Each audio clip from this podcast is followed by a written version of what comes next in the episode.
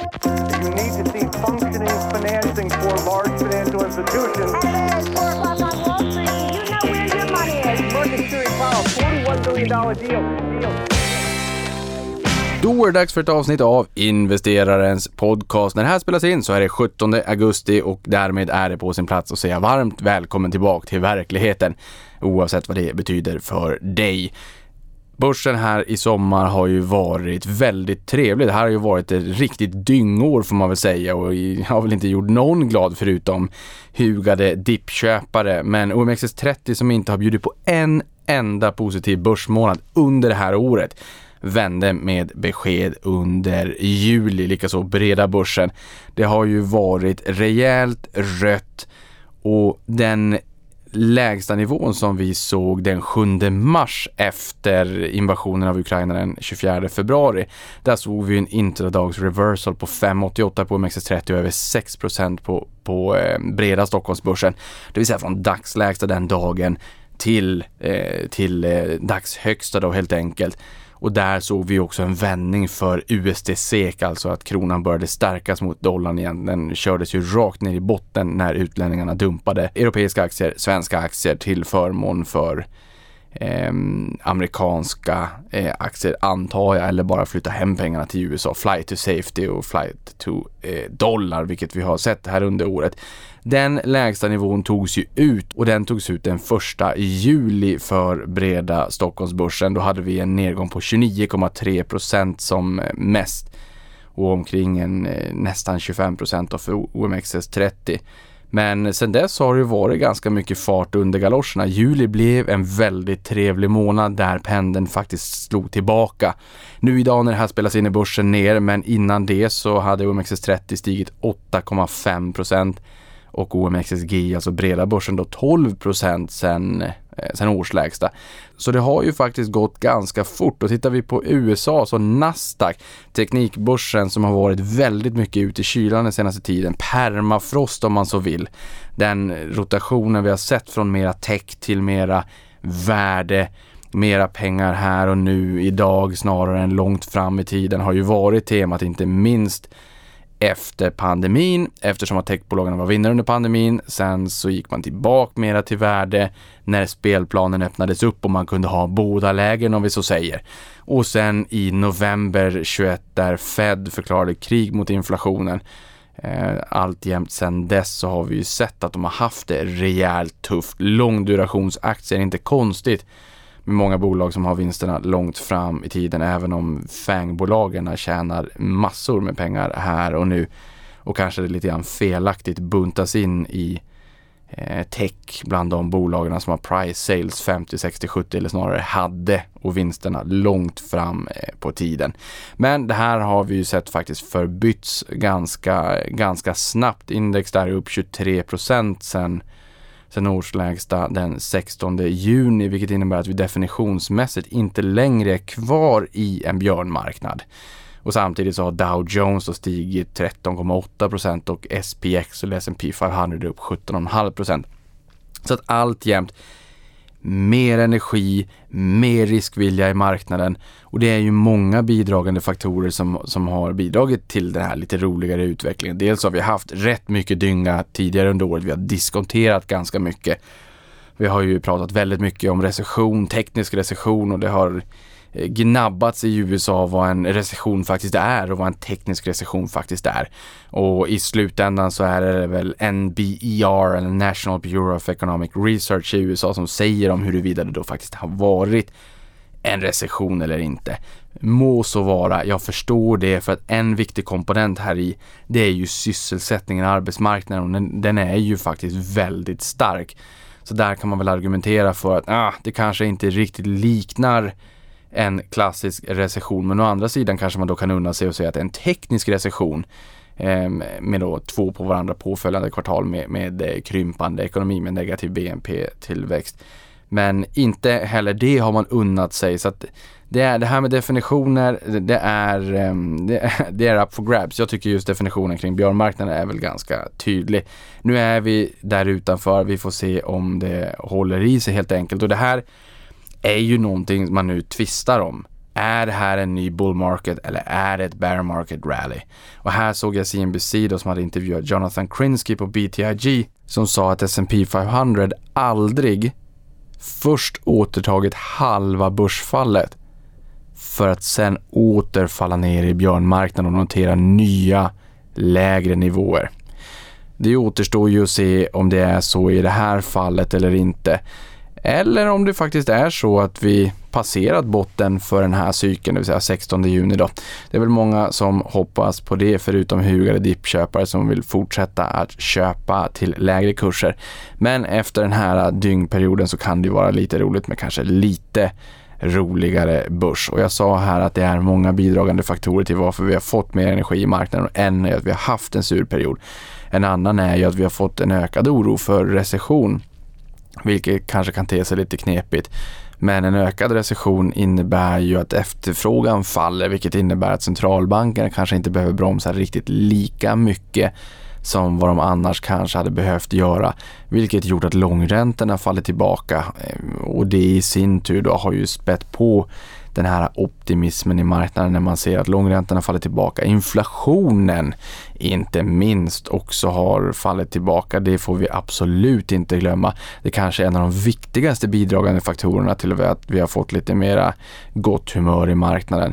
Vi hade ju amerikansk inflation som kom in på 9,1 procent för juni och som sen föll tillbaka till 8,5 procent i juli.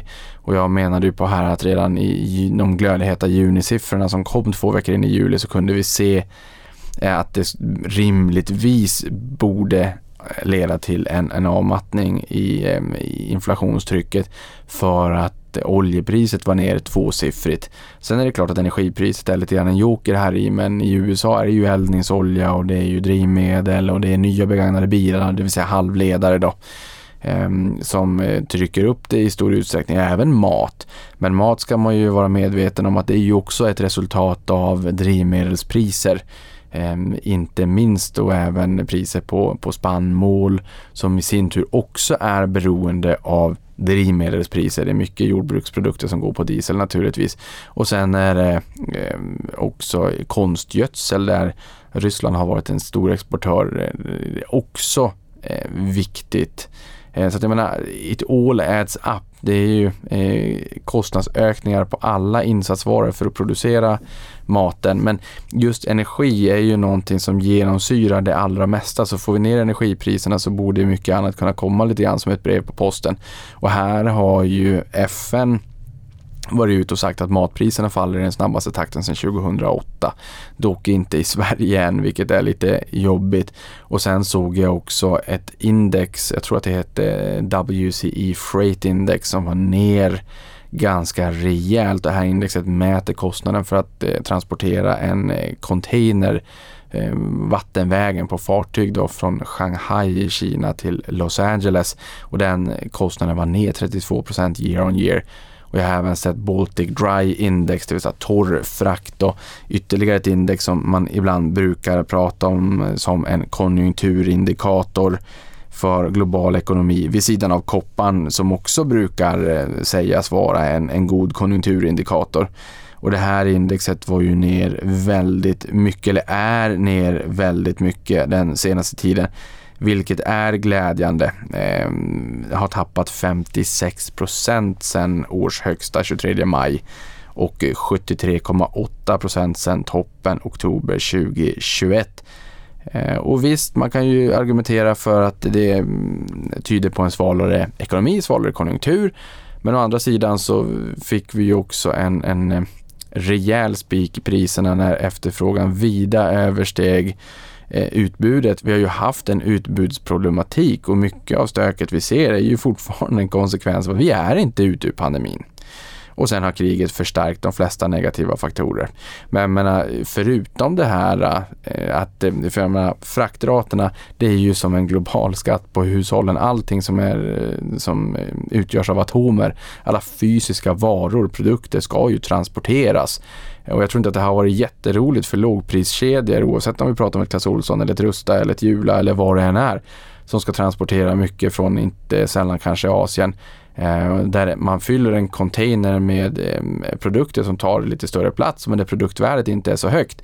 Ja, det är ganska jobbigt när en stor del av kostnaderna eh, är eh, fraktkomponenter och kanske en stor del av marginalen äts upp av stigande fraktkostnader om det är så att man inte vill, kan, vågar eh, skjuta kostnadsökningen vidare på konsumenterna. Så jag tror att det här har varit jobbigt. Jag menar, är du Apple och tillverkar en iPhone så eh, kartongen är ganska liten och produktvärdet är ganska högt och marginalerna är ganska höga. Visst, det påverkar ju dem också. Men det har varit ganska jobbigt för de bolagen som, som har eh, tillverkat, eller snarare köpt ganska billiga produkter från Asien när frakterna har skenat jätte, jättemycket. Så att det här fallet tillbaka är bra och vi kan titta på basmetaller och ädelmetaller och spannmålsprodukter. Ehm, I stort sett det mesta och se att mycket faller tillbaka. Så det gäller ju bara att hålla tummarna och hoppas på att det här är uthålligt, att vi får en bättre balans mellan utbud och efterfrågan. Det är någonting som skulle Eh, behövas. Eh, så. Men just det här med recessionsoron, det, det är någonting som ändå har eh, minskat oron för mer hökaktiga centralbanker eh, och vilket paradoxalt gör att eh, syret på börsen ökar lite grann. Och i Europa så har det varit extra kännbart i och med att vi har en, en egen liten problematik här med en extra oro för recession just på grund av att Ryssland har makten att stänga av gaskranen. Eh, och det hade varit jobbigt om man gör det i höst, vinter. Nu är ju lagren relativt välfyllda i Europa när det kommer till naturgas. Men som jag förstår det så räcker det en två, två och en halv månad. Ehm, och gasen används ju både till uppvärmning och den används ju till att generera elektricitet. Så, så att här kommer vi nog se sparbeting där man försöker dra ner på, ehm, på, på ehm, gaskonsumtionen helt enkelt. Men jag menar, det här är ju någonting, det är stigande gaspriser men sen också minskad tillgång. Det är ju någonting som skulle kunna slå inte minst mot tysk basindustri som är en, en stor motor och en viktig exportnation, Tyskland, för, för, för den svenska marknaden, för de svenska bolagen. Eh, så det här skulle kunna stöka till det och skulle kunna fördyra mycket för producerande bolag vilket skulle kunna leda till en, en eh, marginalkompression. För den stora nedgången som vi har sett på börsen har ju varit drivet av multipel kontraktion. Och sen finns det ju kanske en oro att vi ska se en vinstkontraktion också, det vill säga andra vågen. Men den har vi inte riktigt sett än för att eh, rapportsäsongen för andra kvartalet får man väl ändå säga var bättre än väntat på, på väldigt många håll. Ehm, så, att, så det finns både ehm, det, finns både ljusglimtar och orosmoln. Till orosmoln är väl kanske den ökade geopolitiska spänningen mellan Taiwan och USA efter att USAs talman Nancy Pelosi besökt önationen här för en tid sedan och det här har ju retat upp eh, Kina som tycker att man inte ska lägga sig i inre angelägenheter och man menar ju på att Taiwan, den önationen, är en del av Kina.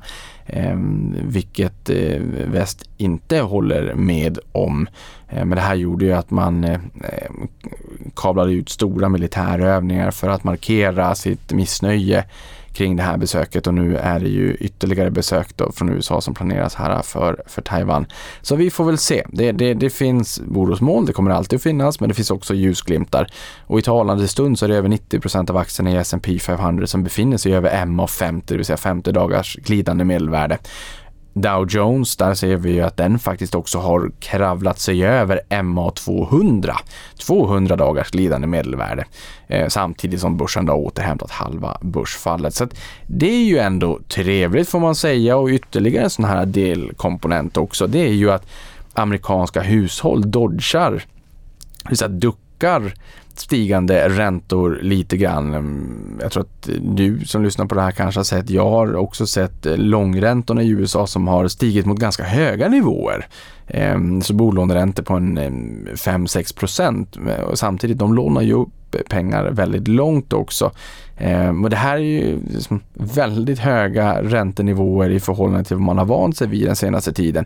Det som är bra i det här fallet är att över 90 procent av amerikanska hushåll som äger sitt eget boende har bundna bolån enligt CNBC. I Sverige är det ju mera kanske regel än undantag med att ha eh, rörlig ränta. Och jag har aldrig riktigt förstått det de senaste åren när man säger att rörligt alltid varit bäst att ha. Ja, fast någonstans måste man också inse vart man kommer ifrån. Vi kommer från en period med en 14-15 procents eh, ränta och en hög inflation till att det här har fallit rakt ner i källan och då kan man ju fundera på, kommer vi att se fortsatt nedgång från ultralåga räntor till kraftigt negativa bolåneräntor, vilket man har haft, jag tror både i Danmark och eh, i Finland så har man väl på sina håll kunnat se att man har fått betalt för att låna. Det har vi ju inte sett i Sverige. Så att risken har ju varit på ovansidan och binder man sitt bolån då köper man ju en extra säkerhet. De som har bundit nu är ju nog förmodligen ganska glada att man har gjort det. Så att, att det hade kunnat vara så att bolåneräntorna hade varit kvar på en låg nivå under en längre tid. Absolut. Men att det skulle falla mer, det, det jag vet inte riktigt vart det, eh, den sannolikheten var väl ändå ganska, ganska låg. Men det här är bra att amerikanska hushåll har bundit för det gör ju att de påverkas inte i lika stor utsträckning. Det är samma sak som fastighetsbolagen som det har ju stökat till jättemycket i fastighetssektorn och Crex Carnegie Real Estate Index ner 50% som mest eh, i år, nu upp över 30 procent sen, eh, sen början på, på juli.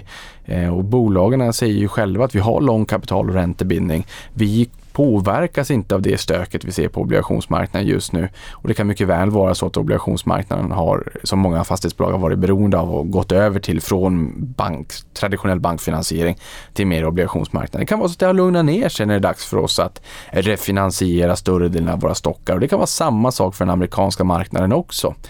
Eh, och det här tycker jag är väldigt intressant för någonstans kan man väl argumentera för att jänkarna är världens viktigaste konsument. Och det är också viktigt att komma ihåg att USAs ekonomi utgörs till två tredjedelar av just konsumtion.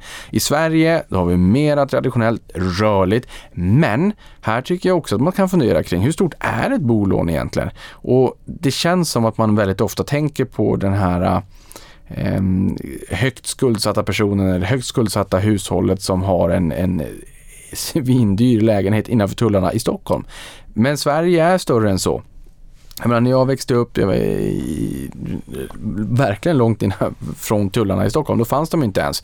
Ehm, men eh, mina kompisar de växte upp i sina villor, de var väldigt, väldigt billiga. Då eh, räntorna var högre, men de var väldigt billiga mm, uppe i Norrbotten. Eh, och man hade bott där under hela uppväxten, man visste vart kompisarna bodde och det dröjde väl kanske till vi var någonstans 25-30 innan eh, mina vänners eh, föräldrar sålde kåkarna, downsizade till en mindre lägenhet när barnen var utflugna etc. Men då hade man ju bott där i 20, 25, 30 år, 35 år i den där villan. Och jag tror att det är värt att komma ihåg det att jag tror att snittlånen är mindre än vad man tror man bor längre än vad man kanske spontant kan tro. Det vill säga att man hinner beta av en rätt stor del av de här lånen också. Så att, eh, och är det bara de här eh, personerna som bor innanför tullarna som är skyhögt skuldsatta som, eh, som utgör konsumtionen i exempelvis Sverige? Nej men så är det ju naturligtvis inte. Sen kan man ju fundera kring den marginella konsumtionsbenägenheten Ja, svår fråga, men jag tror att man överdriver lite grann risken för att hushållen kommer dra ner på konsumtionen jättemycket för att räntekostnaderna stiger. Det är ju såklart en bidragande faktor på samma sätt som att drivmedel är en bidragande faktor, elpriserna är en bidragande faktor, matpriserna är en bidragande faktor och naturligtvis även räntekostnaderna. Eh, men kanske inte i lika stor utsträckning som vad man, eh, vad man tror och dessutom är de, de människorna med högst eh, lån, det är också de människorna som har bäst ekonomiska förutsättningar att axla de stora lånen. Och, och när man tittar på mätningar som görs nu och då så tar man ju väldigt, väldigt sällan in tillgångssidan i och med att det är svårt att få hela tillgångssidan. Ehm, så, så det tycker jag är värt att, att ha med sig. Men den stora viktiga faktorn till att börsen är mera glad. Alltså inflationssiffror som visar tecken på att bromsa in eh, både på svenska marknaden och även på amerikanska marknaden. Nu kom UK in nyligen som visade på att det här var eh, där accelererade det till en tvåsiffrig nivå. Eh, men marknaden hoppas fortfarande på att vi, vi har sett toppen för inflationen eh, på i, i alla fall USA primärt, men förhoppningsvis även då i, i Sverige. Har vi inte gjort det, ja men då blir det stökigt. Och här har vi den här oron för energi, eventuell energikris i höst.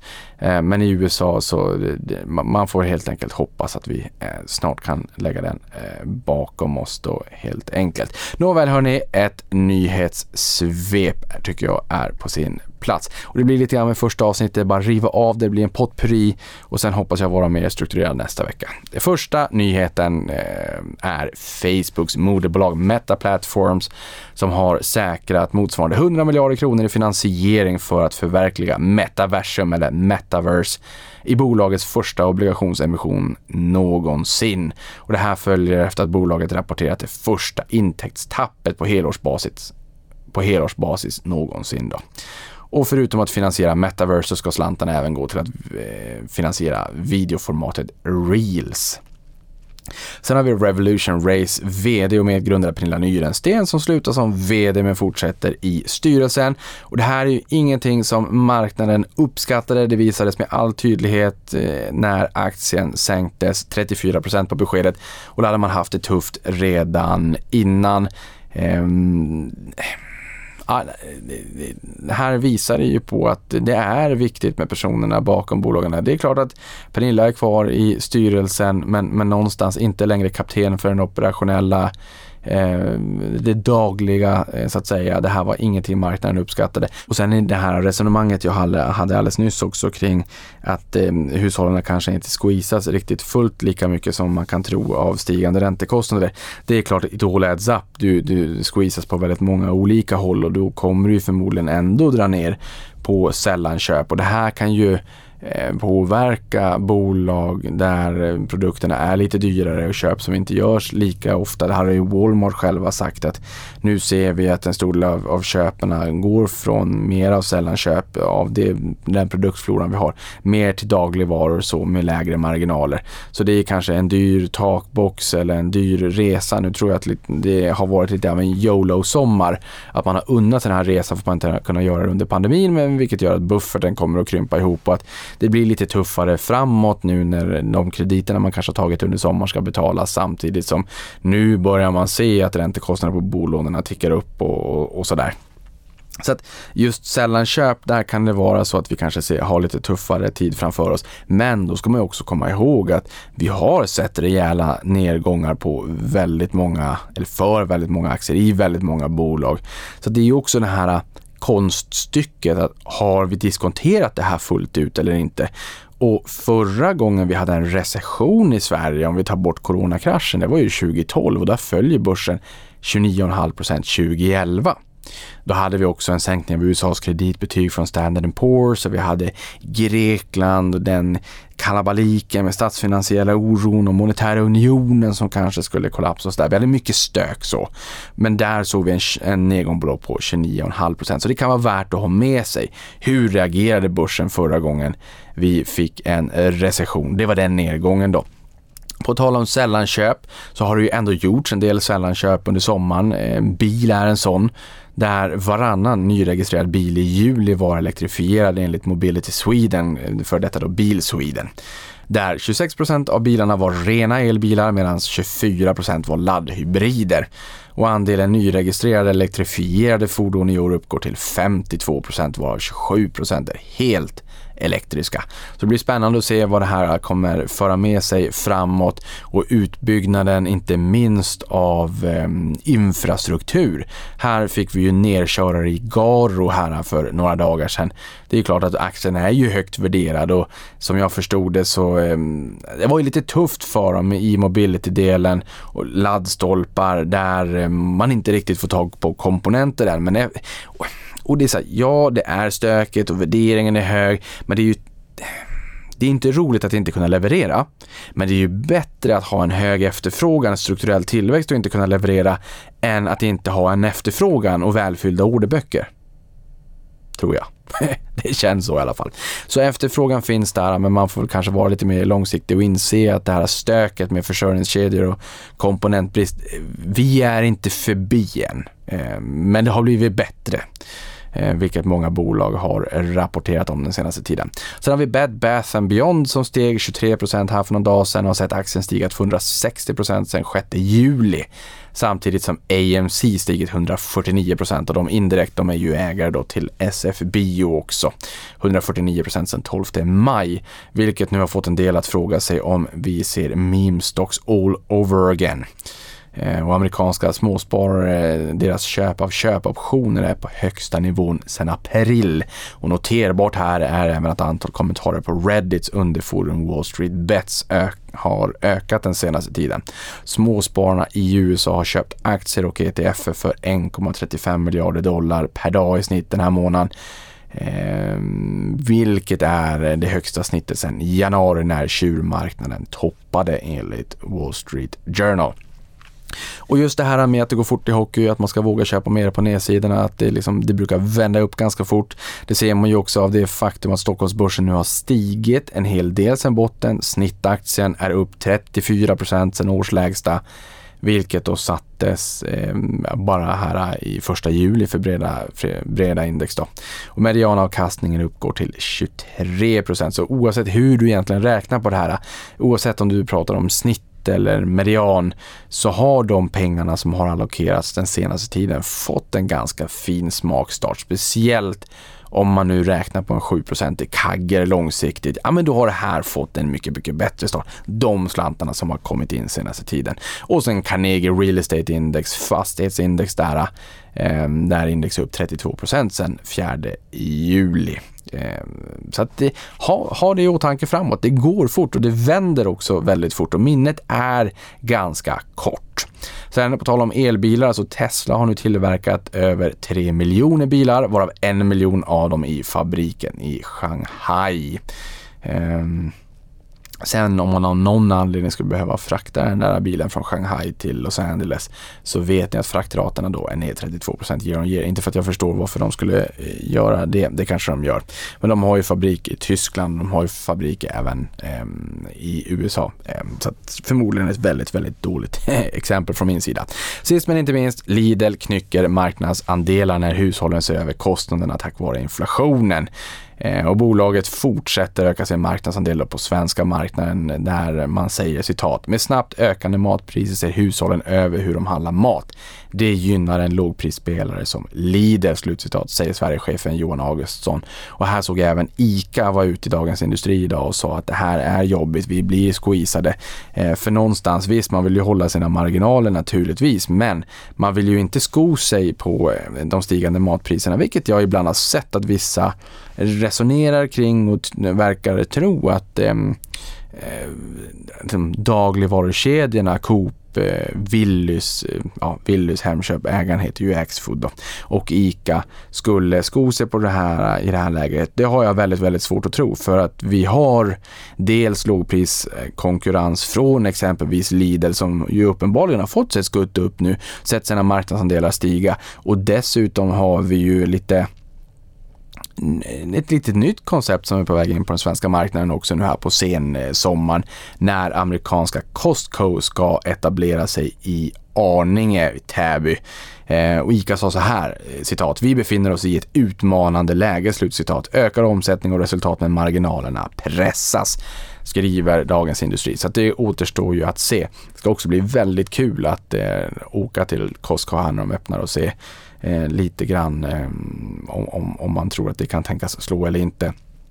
Där betalar du för ett medlemskap. Jag tror att det kostar 500 kronor. Och sen får du köpa varor nästan till inköpspris. Men jag tror att det är ganska, du köper liksom, ja men tänk dig typ eh, en grossist. Eh, med, du köper rätt mycket eh, men till lågt pris. Och jag vet inte om jag är den här som köper 100 toarullar eller eh, 10 cornflakespaket eller 5 mjölkpaket samtidigt eller inte. Så det ska bli kul att se men det, det, det händer lite saker och ting på dagligvarumarknaden.